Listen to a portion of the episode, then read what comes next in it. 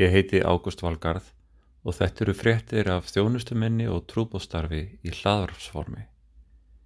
Í senasta fréttabreifi lofaði ég að segja frá stórum ákvörðunum næst, ákvörðunum um að auka þjónustu á Íslandi.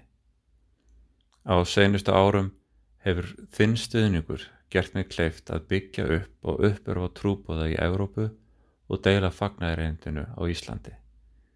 Núna í oktober tók ég það trúarskref að segja upp starfi mínu í hugbúnaði til að geta stíðin í fulla þjónustu ef Guður lofar. Ég vinn í hugbúnaði út janúar 2024.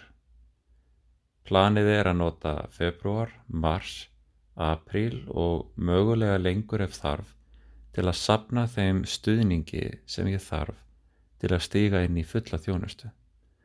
Ég ætla að einbeta mér að þessum hlutum. Númer eitt, setja fleiri heimakirkjur af stað.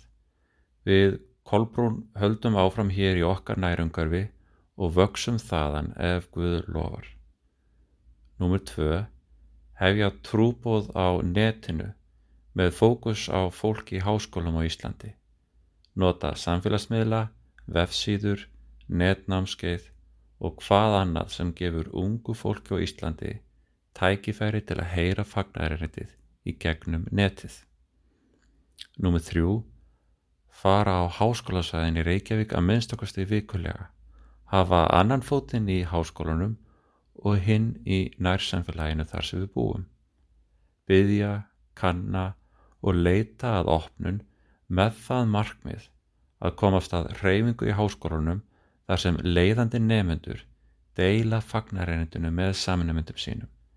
Þetta þyrti ekki að vera floknar en það að setjast að heimakirkju á eða nálagt háskólasvæðinu. Únd fólk á Íslandi þarf að fá tækifæri til að heyra fagnareinindið.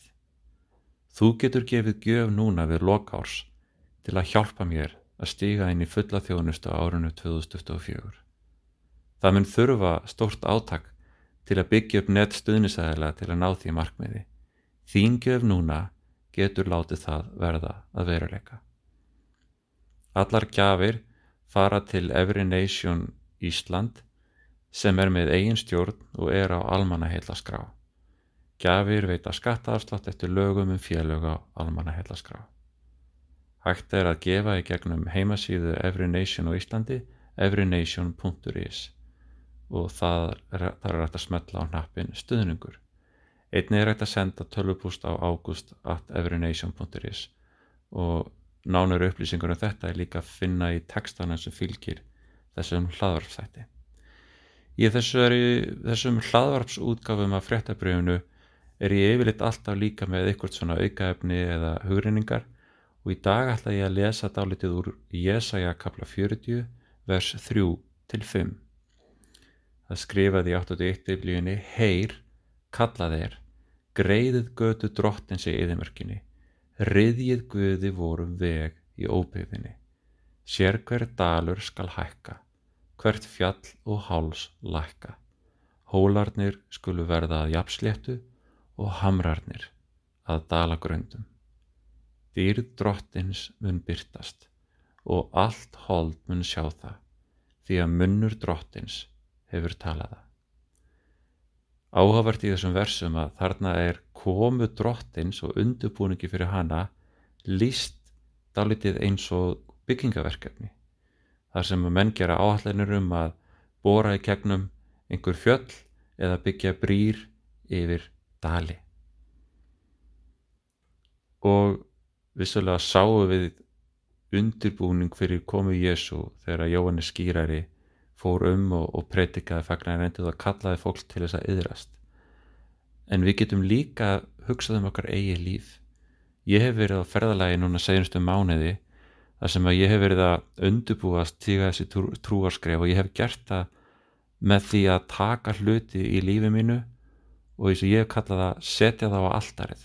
Að setja hluti á alltarið þýðir að þú ert að gefa þá upp, steppur þá um tökunum og þú gefur Guði leifi til að taka það algjörlega í burtu mögulega meðan, já, taka sund alveg í burtu, sund kemur kannski niður að allt hennar aftur að því að Guð gefur það tilbaka en með þessu hef ég leitast við að gefa Guði meira pláss í lífi mínu, gefa honum meira rými til þess að starfa, móta og leiða mig. Og þetta er búið að vera hollur og góðu tími og ég finna að Guð er að verki. Mér langar að hvetja ég núna þessi jól og núna uh, þegar þú hugsaður um nýtt ár hvar eru svið í lífiðinu þar sem þú getur guð, gefið Guði meira pláss? Jafnvel að gefa bara meiri hugsun til hans eða gefa gaumað honum meira yfir daginn.